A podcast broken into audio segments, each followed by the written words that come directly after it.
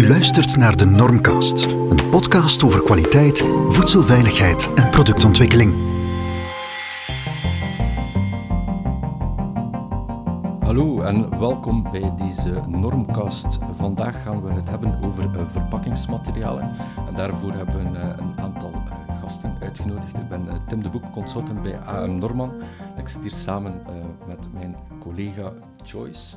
Um, Joyce is sinds 2014 consultant bij AM Norman, waar ze voedingsbedrijven en verpakkingsbedrijven ondersteunt met hun kwaliteitsmanagementsysteem en het certificatiegebeuren. Ze kreeg in 2008 tijdens de eerste weken van haar werkervaring reeds te maken met een geur- en smaakafwijking in koekjes, waarvan de oorzaak van het probleem te zoeken was in het verpakkingsmateriaal.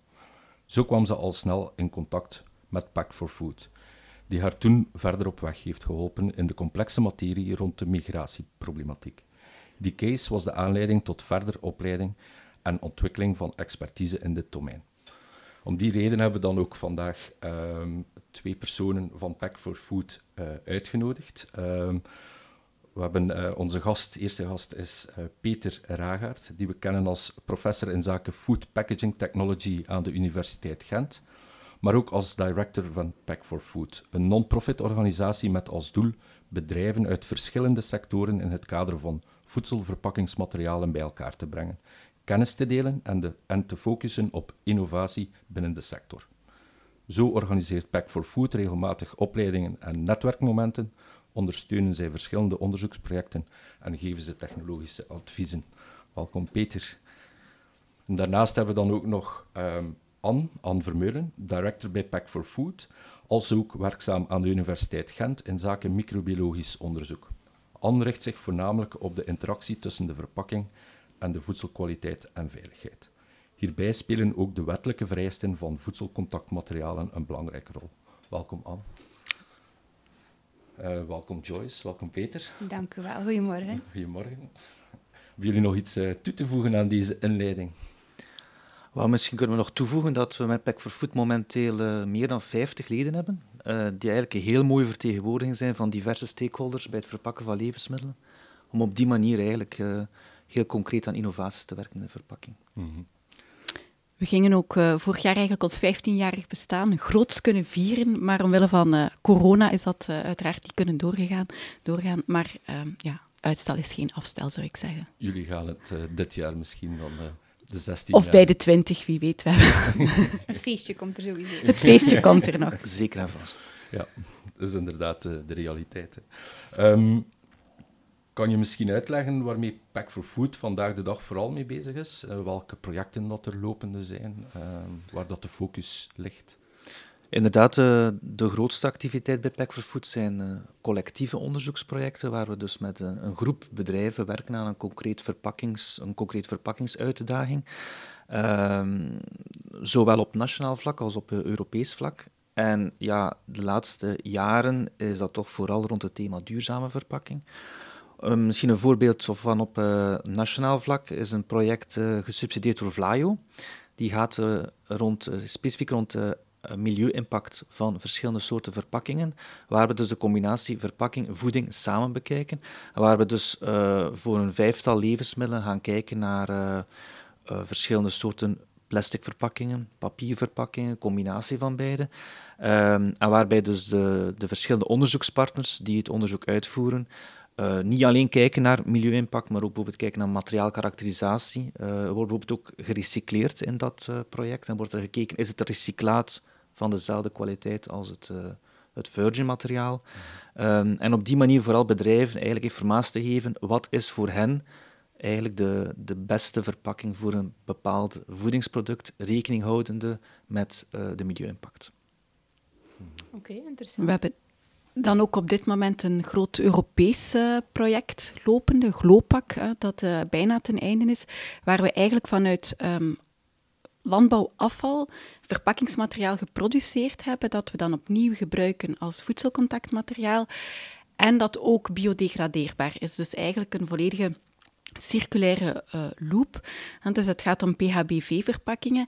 En uh, Pack for Food had een vrij grote rol in het project. We hebben ook uh, twee Vlaamse bedrijven mee kunnen trekken in dat project om effectief die verpakkingen op hun levensmiddelen te gaan testen.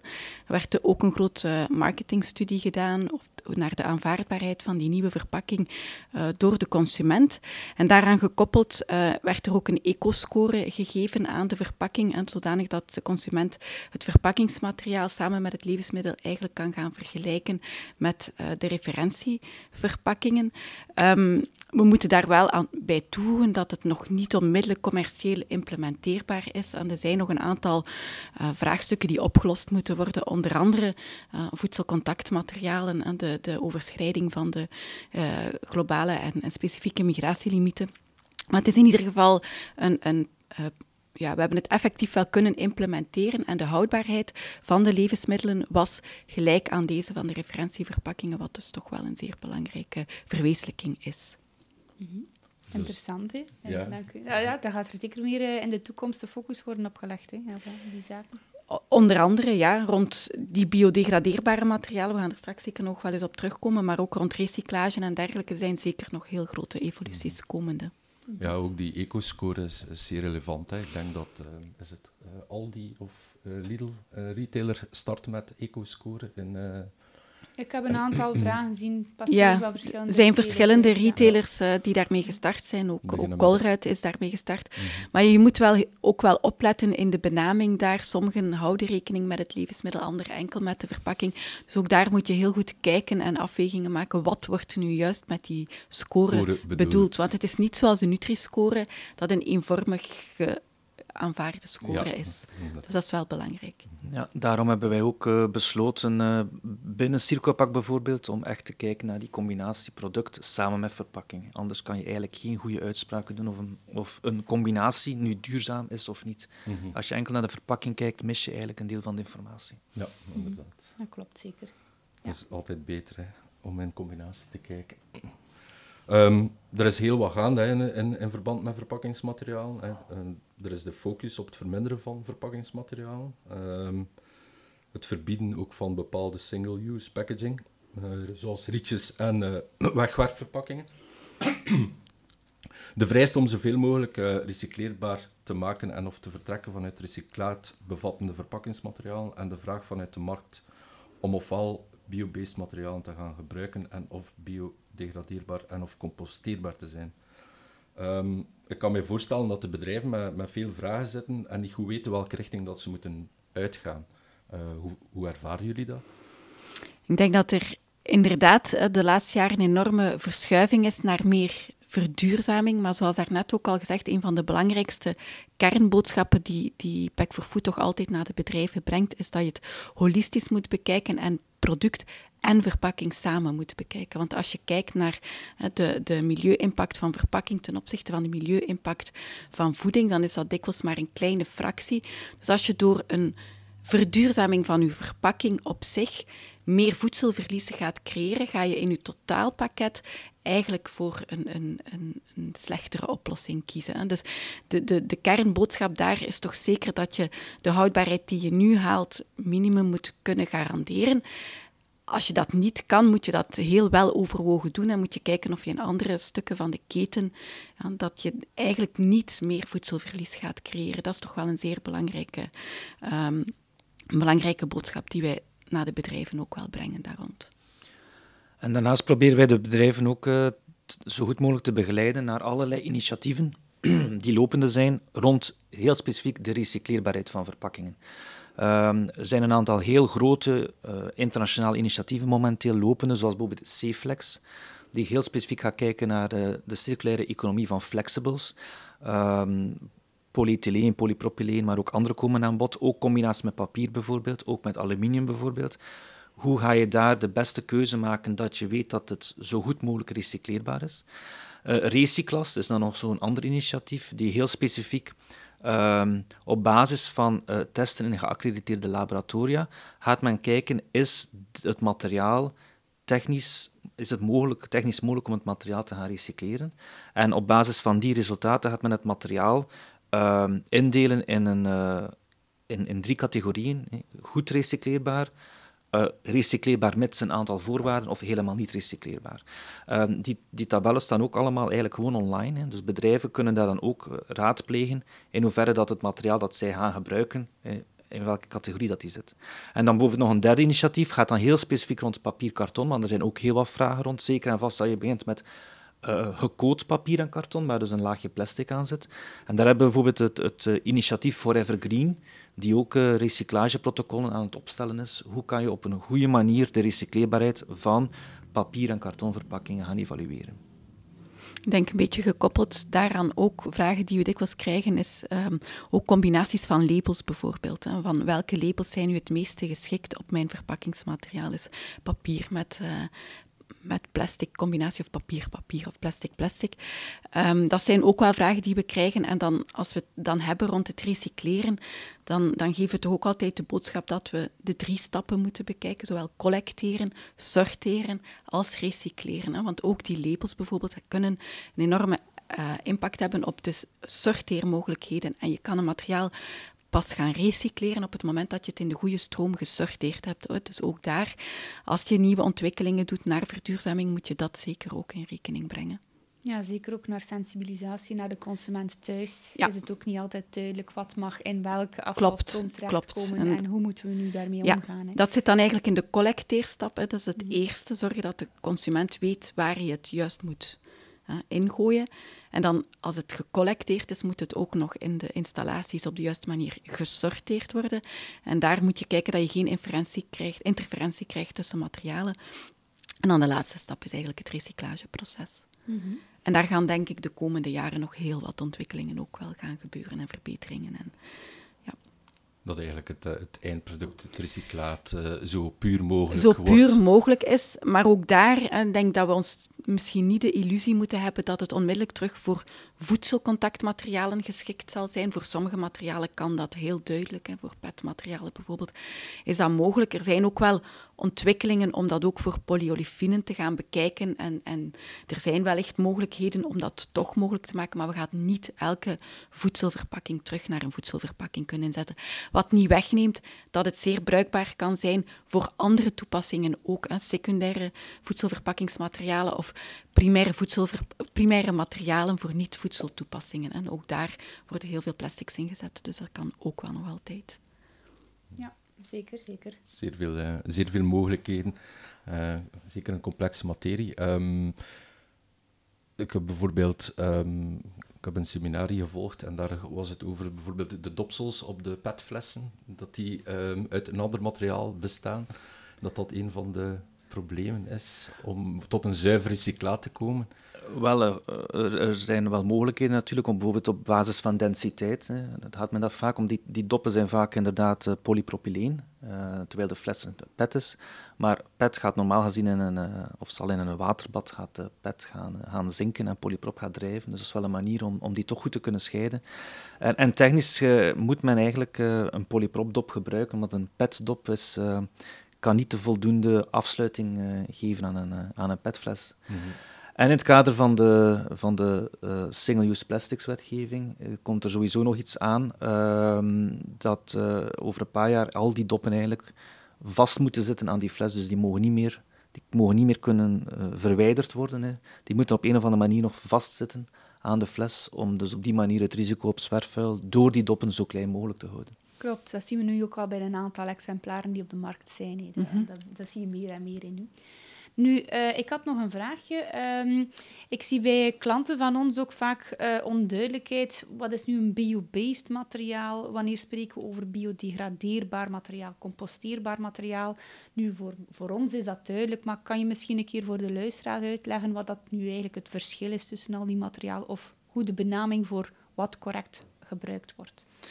Wel, eigenlijk uh, om, om, te starten uh, met uh, biodegradeerbaar en composteerbaar. Hè. Als we kijken naar de Europese norm van composteerbaarheid, hè, is biodegradeerbaarheid daar één van de aspecten in. Hè. Biodegradeerbaarheid wil zeggen dat uw materiaal kan gaan omgezet worden opnieuw naar CO2, water en compost. Hè. Dus dat is eigenlijk een, de, de, chemische reactie. Um, eigenlijk maar de, de, laten we zeggen, de volledige term, die alles omvat, is eigenlijk composteerbaarheid. Hè. En dan heb je een aantal materialen op de markt. Het bekendste voorbeeld, denk ik, is uh, polylactic acid, PLA, polymelkzuur. Uh, gemaakt momenteel nog voornamelijk met als grondstof mais.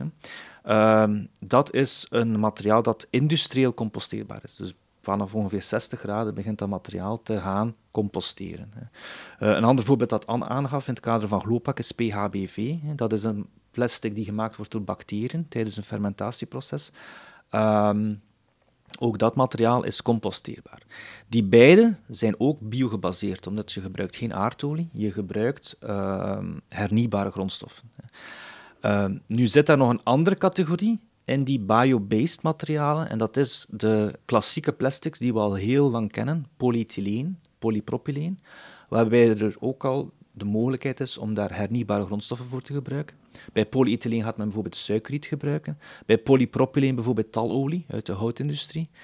Uh, let wel, een zo'n biogebaseerde polyethyleen of polypropyleen is dat natuurlijk niet composteerbaar, maar heeft dus ook wel een aantal voordelen. Het grootste voordeel is eigenlijk, je gaat werken met hernieuwbare grondstoffen. Mm Oké. Dank u wel voor de verduidelijking. Uh, wat ziet er eigenlijk voor, uh, voor jullie uit het, als meest komende, voorkomende vraag uh, van, van jullie klanten, van de bedrijven die jullie begeleiden deze tijd? Dus naar, naar vraag, naar advies toe. Wat, wat is meest voorkomend? Ik denk dat er verschillende zijn, maar um, wat, wat we wel heel veel vragen rond krijgen is het design for recycling, hetgeen dat we daarnet ook al uh, aangehaald hebben. Wanneer is een verpakking recycleerbaar? Uh, hoe moeten we dat aanpassen? Hoe moeten we dat verduurzamen? Daarnaast, als we kijken naar, naar de dagdagelijkse uitdagingen die bedrijven hebben, en die, dan, dan krijgen we toch nog zo heel wat vragen rond, rond migratie, voedselgeschiktheid. En dat, dat blijft een groot issue. Ook voor al die nieuwe materialen of die nieuwe innovaties die komen, is dat toch ook wel heel, heel belangrijk om, uh, om dat steeds in het achterhoofd te houden. En um, ja, daar, dat, dat zien we toch uh, nog altijd als een, grote uitdaging voor veel bedrijven.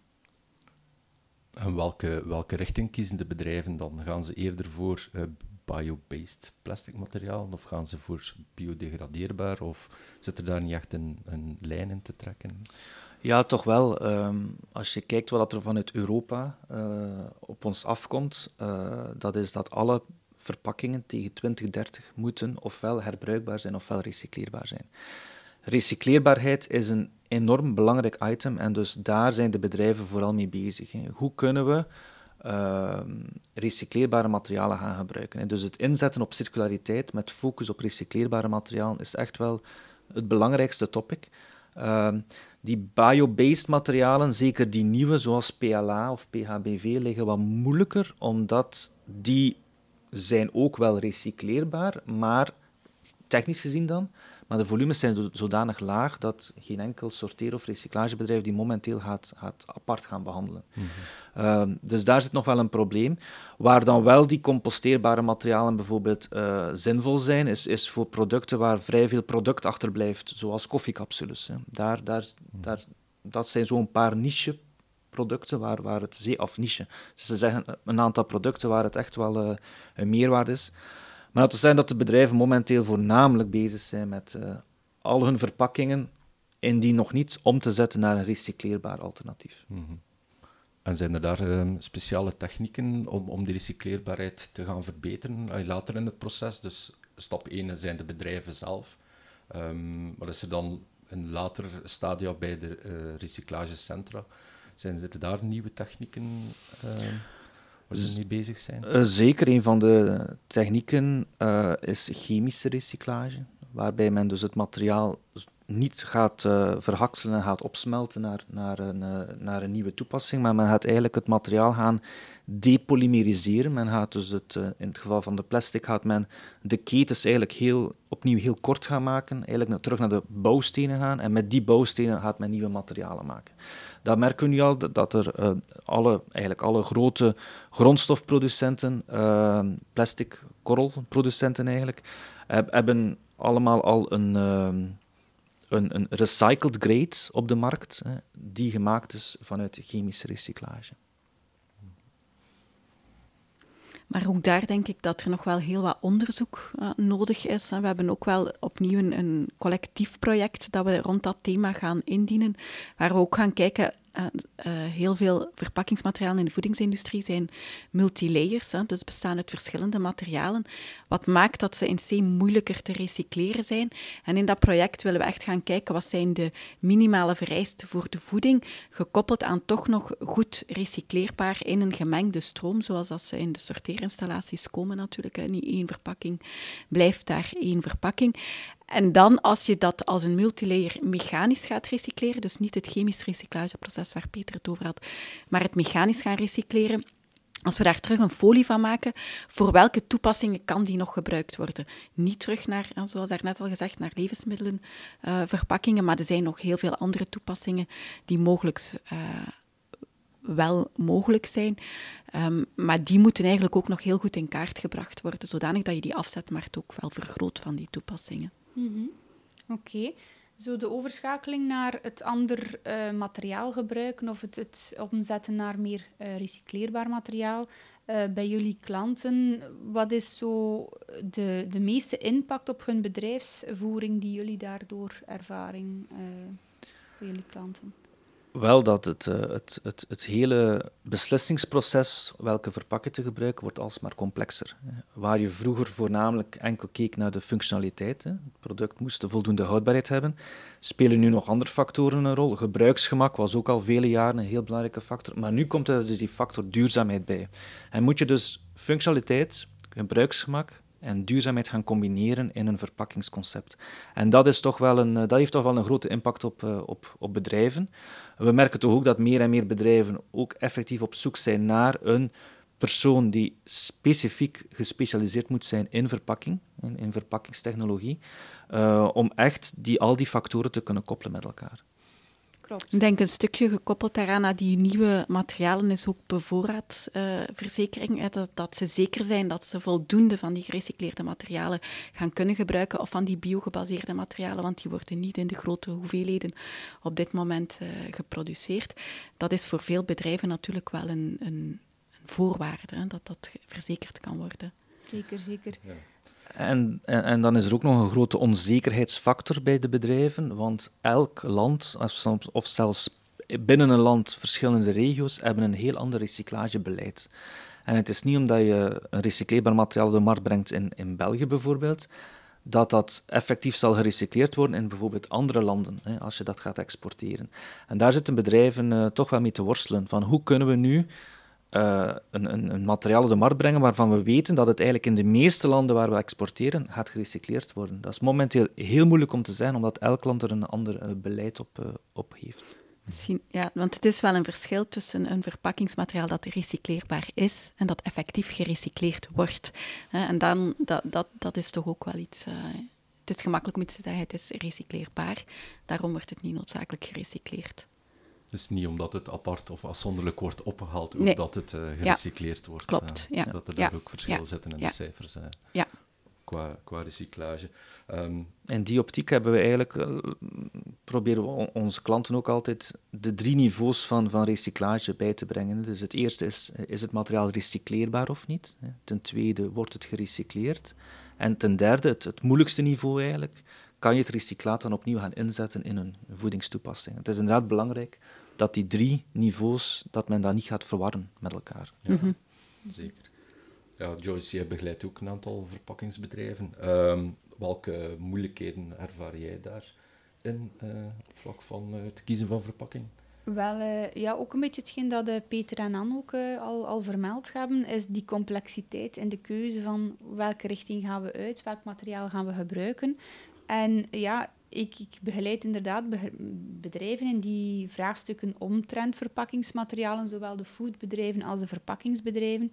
En in de foodbedrijven is het vooral de impact van de, van de wijziging op het type verpakkingsmateriaal dat we zien, dat dat niet echt uh, duidelijk is. Uh, ja, dat dat een impact heeft op de verwerkbaarheid uh, op de machines. Dus als ze naar ja, naar andere totaliteit van samenstellingen overschakelen. Denk aan de ceiling die niet goed niet meer loopt op, op, het, op de flowpack bijvoorbeeld.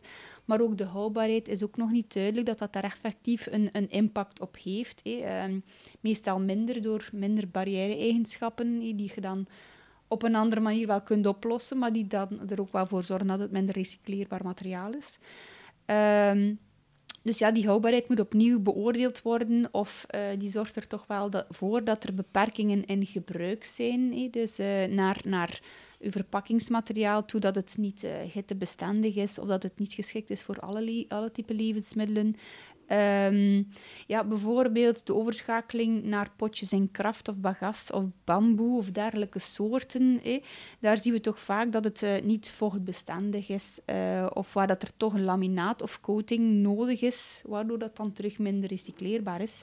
Of dat het vaak niet geschikt is voor alle type levensmiddelen, bijvoorbeeld in minder geschikt voor vetrijke voeding. En zeker uh, ja, niet geschikt voor opwarming, dat toch ja, over het hoofd wordt gezien. Hè. Dus ook naar, naar de interpretatie van die, van die uh, Declaration of Compliance of de VVO's, verklaringen van overeenstemming, dat dat toch nog niet altijd duidelijk is voor uh, de voedingsbedrijven of dat de, de kwaliteitsverantwoordelijken die er momenteel zitten eff effectief nog iets tekort schieten aan kennis over verpakkingsmateriaal. Mm -hmm. Dus wat dat Peter ook gezegd had. Um, in de verpakkingsbedrijven voornamelijk enerzijds de vraag uh, om ja, alles meer recycleerbaar te maken en of, eh, dus de, de vraag die ze krijgen van hun klanten om de richting composteerbaar of biodegradeerbaar uit te gaan. Uh, en dus ja, richting, ja, moeten ze nu richting monolaags gaan evolueren of niet? Of moeten ze toch voor laminaten gaan kiezen? Ja, dat is voor hen ook een complexe keuze en zij weten ook niet altijd wat te antwoorden op de vragen van de klanten die ze krijgen. Hè. Um, ja, en als ze daar dan een keuze in maken, dus dan, dan het, het, het wettelijke aspect, wat naar migratie toe, is daar nog alles garandeerbaar? Kunnen we daar uh, iets aan doen om dat te verbeteren? Of moeten we toch uh, een aantal zaken gaan veranderen naar verwerkbaarheid toe, moeten we daar additieven gaan toevoegen. Maar ja, die additieven hebben dan weer een nefaste impact naar migratie toe, um, die we dan moeten beoordelen. Dus eigenlijk hangt het allemaal vast aan elkaar en zien we daar dat die complexe keuzes moeten uh, gemaakt worden en dat de oplossing zeker niet eenduidig is. Anders wisten we het al allemaal en hadden we morgen al allemaal al, uh, het materiaal gekozen. Hè.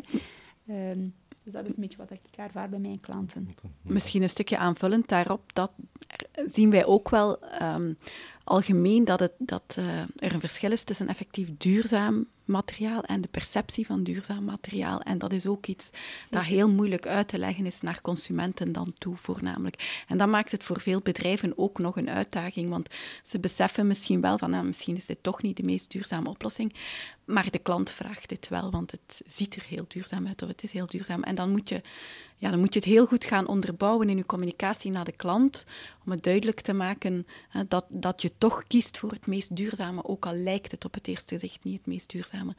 En ik denk dat dat ook wel nog gaat evolueren, dat, dat men nog meer die consument gaat gaan opvoeden, om het zo maar, allee, of, of mm gaan, gaan bijleren van, van aspecten rond duurzaamheid. Ja. Zeker, zeker. Dat die perceptie is ook iets wat ik vaak moet, moet uitleggen van oké, uw klant vraagt A, maar eigenlijk is de oplossing die hij nodig heeft B, want die perceptie zit totaal verkeerd. Maar daar moeten we zeker nog algemeen aan werken om die perceptie juist te krijgen. Ja. Zeker ook naar uh, wat de rol is van verpakking naar het product toe. Hè. Dus het beschermen, de, de, voldoende houdbaarheid geven, ook daar moet de consument uh, in, in, in opgevoed worden eigenlijk. Hè, omdat mhm. men, denk ik, te weinig stilstaat bij... Uh, ja, de consumenten beseffen te weinig wat een verpakking nu juist doet naar, naar houdbaarheid van het product toe. Voor hen is het meestal gewoon een transportmiddel. Ja, en een afvalberg uiteindelijk. Want dat blijft over en de levensmiddelen zijn geconsumeerd. Hè. Dus die, dat weet je niet meer, maar het verpakkingsmateriaal blijft over. En uiteraard wil je dat niet terugvinden in de natuur en moeten daar goede oplossingen voor gezorgd worden om dat te recycleren. Maar het begint ook wel een stukje bij de consument, die het op de juiste manier moet uh, behandelen. Ja, klopt. Dan misschien uh, ook een, vraag die echt specifiek bij jouw domein uh, aanleunt, naar het food safety gebeuren. Heel die, die beweging, die verandering die gaande is binnen de, binnen de voedselverpakkingsmaterialen. Ehm, hoe ervaar jij dat? Voldoen deze nog allemaal aan de, aan de wettelijke vereisten binnen Europa? Of zie jij dat uh, de verkeerde kant op gaan? Ik denk degenen die um, op de Europese markt komen, commercieel gezien dan, hè, die, die zouden moeten voldoen. En daar staat elk bedrijf wel garant voor dat ze de juiste verklaring van overeenstemming hebben. Dus ook degenen die vanuit het buitenland komen, eens ze op de Europese markt commercieel aangeboden worden, zouden ze moeten voldoen aan alle wetgevingen. Uh, gebeuren daar soms nog uh, verkeerdelijkheden mee? Ja, uiteraard. want als je gaat kijken, wordt er wel wat tegengehouden aan de grens ook. Um, natuurlijk de materialen die op onderzoeksniveau zitten, hè, bijvoorbeeld hetgeen dat wij ontwikkeld hebben in het GLOPAC-project, dat voldoet nog niet noodzakelijk aan alle wetgeving, maar dat is ook nog niet commercieel op de markt. Hè, dus je moet wel dat onderscheid maken. Um, wat ik wel denk is dat er ook de komende jaren nog wel wat onderzoek zal gebeuren naar bijvoorbeeld het gebruik van gerecycleerde polyolefinen. Nu gaat men vanuit het voorzichtigheidsprincipe ervan uit dat die nog niet in contact mogen komen hè, met, met, uh, als primair voedselcontactmateriaal. Wat verschillend is van, van PET bijvoorbeeld, hè, waar duidelijke recyclageprotocols voor zijn en RPET mag wel gebruikt worden. Dat gaat denk ik wel nog heel wat onderzoek naar gebeuren en gaan er misschien wel nog veranderingen komen de komende jaren. Hè. Ook EFSA is daarmee bezig met dat allemaal eens kritisch te gaan bekijken. In de Verenigde Staten bijvoorbeeld mag het wel al, maar heel die wetgeving is op een andere manier eigenlijk tot stand gekomen en die kijkt ook naar andere zaken. Maar daar gaat wel een verandering in komen, vermoed ik. Oké, goed. Dank u wel. En um, ja, misschien nog een keer voor de verduidelijking. De Spec for Food kan bedrijven daar verder uh, in bijstaan bij al die vraagstukken. Dus misschien een keer kort oplijsten ook welke diensten jullie eigenlijk aanbieden voor welk type bedrijven wat jullie allemaal kunnen betekenen voor hen? Wij uh, ondersteunen en, en, begeleiden alle type bedrijven eigenlijk, van uh, heel kleine KMO's tot grote multinationals. Uh, zowel gebruikers van verpakkingen, zijn het dus de voedingsproducenten, maar ook de retailers. Uiteraard dan ook de bedrijven die verpakking gaan produceren. En ook bedrijven die vulmachines leveren of, of maken, testsystemen, meetsystemen en dergelijke. Um, en een heel eerste concrete actie die wij, die wij vaak doen is uh, de één-op-één begeleiding, waar dus bedrijven uh, zeker nu heel wat vragen hebben rond circulariteit en eigenlijk uh, de, de juiste richting helpen mee inslaan. Dat is zeker al een eerste belangrijke functie van, van Pack for Food. Ik denk daarnaast ook, ook wel um, een belangrijke functie is de brugfunctie tussen het wetenschappelijk onderzoek en dan de bedrijven. En dus dat doen wij door enerzijds die, die projecten collectief met hen te doen, waardoor dat we ervoor zorgen dat de kennis die op, op universitair niveau opgedaan wordt, ook wel naar hen vertaald wordt en implementeerbaar is bij hen. Bijvoorbeeld ook in het Glopak-project, dat we Vlaamse bedrijven durven mee te trekken in een Europees project om dat effectief bij hen te gaan implementeren. En dat doen we ook aan de hand van onze opleidingen. Hè. Dus we proberen onze opleidingen echt heel regelmatig te actualiseren met kennis die wij opdoen op internationale congressen bijvoorbeeld. Of via eigen onderzoek als de resultaten van een afgelopen project breed verspreid kunnen worden dan nemen we die op in onze opleidingen. En dat doen we zowel voor aan groepen van bedrijven, maar ook op individueel bedrijfsniveau. Want soms hè, zijn er verschillende mensen binnen een bedrijf die wel eens nood hebben aan eenzelfde verhaal te krijgen. En dan groepeert het bedrijf vijf, zes mensen om echt eens een, een opleiding op hun maat te maken. Voor hun product, voor hun productgroep eventueel. Um, en dat is zeker een van de dingen waarin we bedrijven ondersteunen. Wat we niet doen, is, is denk ik het, het uh, consultancy op zich en de één-op-één adviezen naar innovatie en begeleiding wel, maar niet zoals een, een consultancybureau dat een bedrijf effectief in een traject begeleidt. Daarvoor zijn jullie. Ja, dank u wel. Ja, dat is, wij, wij, doen, wij zitten een beetje in hetzelfde werkveld, maar toch met een andere insteek. Ja, klopt. Um, maar ik ken inderdaad jullie ook meest van, van jullie onderzoeken die jullie doen en, en de bedrijven daarin in contact brengen met elkaar en, en de opleidingen daarover geven, wat dat zeer interessant is om, om daarin mee te zijn met het ganse verhaal. Uh, zo herinner ik mij, uh, het is nog niet zo lang geleden, dus ik kan het mij nog goed herinneren. Uh, het afgeronde project Opti Barrier vond ik zeer interessant om naar te luisteren. Ik heb ook meermaals naar, naar de opleiding en naar de, um, naar het doctoraatverdediging van Maarten geluisterd. Hè.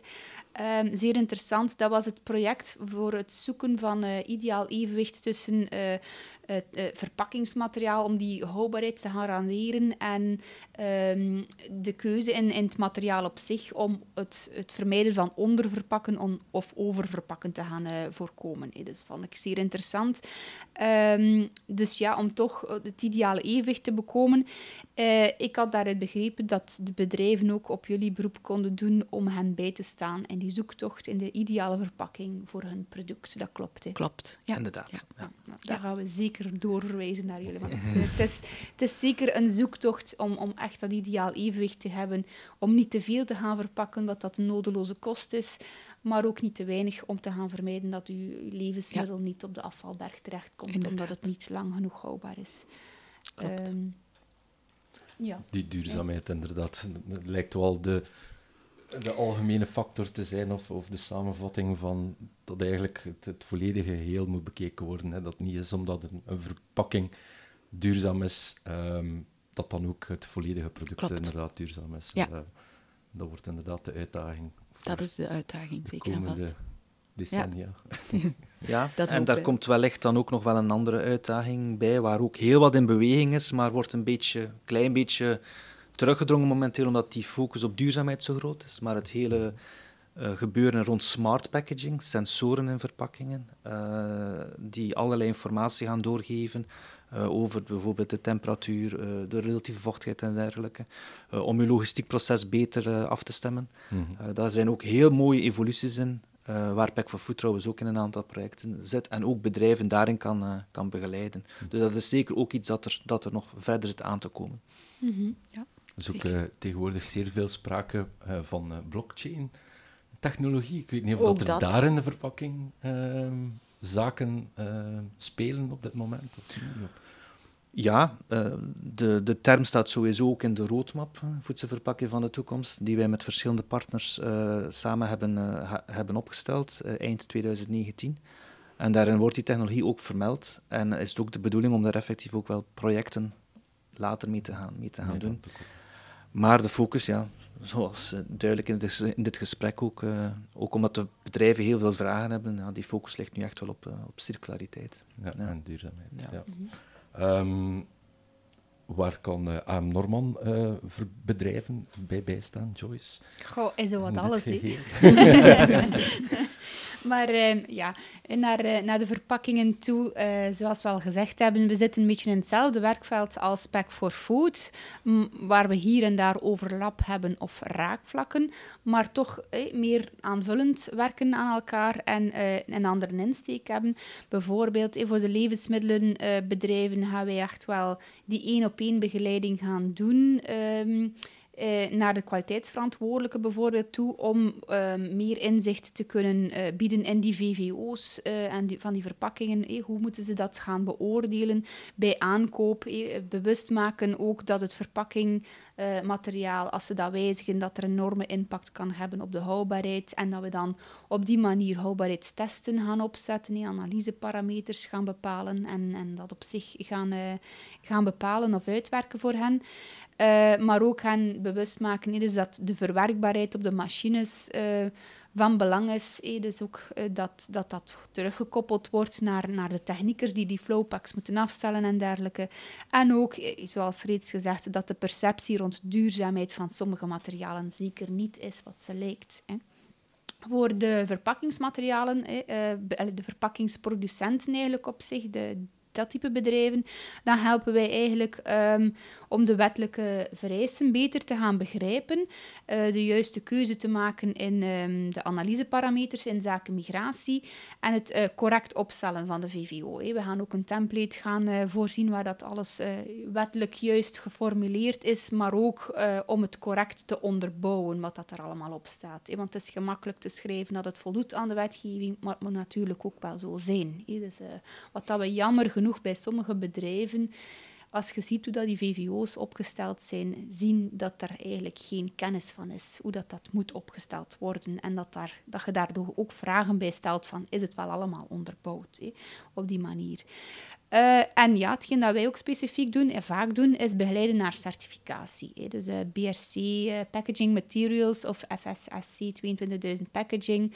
het ganse traject, het opstellen van een, een stappenplan, het opmaken van een handboek en hen daarin begeleiden, is iets wat dat jullie niet doen. Hè. Dus, maar datgene dat wij eigenlijk het meest van al doen. Hè. Klopt. Meest dat wij, als wij dan vraagstukken hebben over de beoordeling, want voor ons is het ook soms moeilijk voor, ehm, ja, hoe zit dat nu? Ik heb nog een klant in, in PLA en, en ja, maar je moet dan migratietesten gaan uitvoeren en werkelijk zeggen dat je dat bijvoorbeeld aan 60 graden voor de specifieke migratie voor langdurige opslag moet doen, maar je weet dat, dat het smelttraject al begint voor de 60 graden. Dus hoe moet je daar dan mee omgaan? dan uh, had ik geleerd uit de cursus van Anne dat je daar de Arrhenius-formule moet voor toepassen.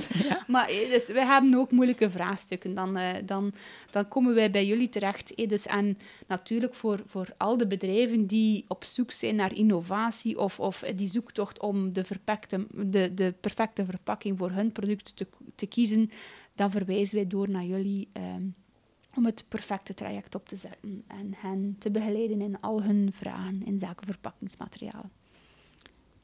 Naar, kort gezegd. Naar, kort gezegd.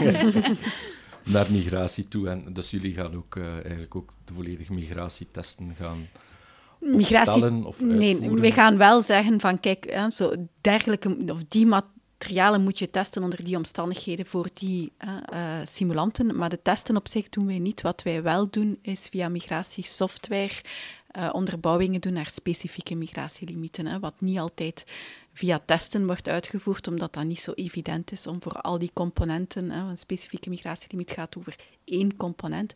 Als je dat voor alle componenten moet doen in je verpakkingsmateriaal, dat is niet zo evident. En dat kan je wel een stukje onderbouwen via berekeningen of via simulaties. Daarin ondersteunen wij de bedrijven soms wel. Wat we niet wil zeggen dat we dat allemaal voor hen gaan doen, maar we zeggen hen wel, kijk, je kan dat zo en zo doen. Mhm. En zij implementeren dat dan in hun bedrijf via een eigen database of via, via een eigen berekeningsformule. En zij komen dan eens terug met vragen en dan gaan we stap voor stap verder. Maar we hebben geen kant-en-klaar ehm, manier liggen om dat uh, aan de bedrijven te verkopen of zo, dat niet. Oké. Advies op maat. Advies op ja, maat. Dat is ook wat wij doen. We hebben ook geen kant-en-klaar handboek liggen voor de klant. Wij, wij werken ook altijd op maat mhm. en kijken waar dat we zo eenvoudig mogelijk en efficiënt te werk kunnen gaan. Goed? Goed. Zijn er nog zaken dat jullie willen toevoegen?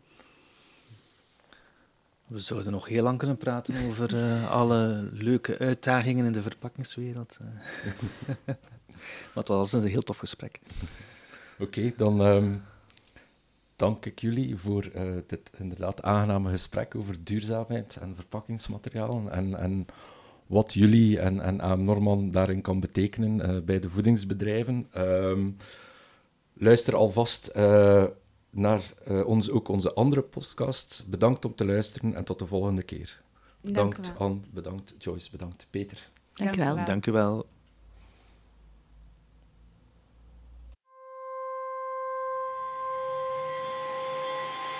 Bedankt voor het luisteren naar deze Normcast. Bezoek zeker onze website www.amnormand.be voor blogposts, boeiende artikelen en uiteraard onze podcasts. Of volg ons via de gekende mediakanalen.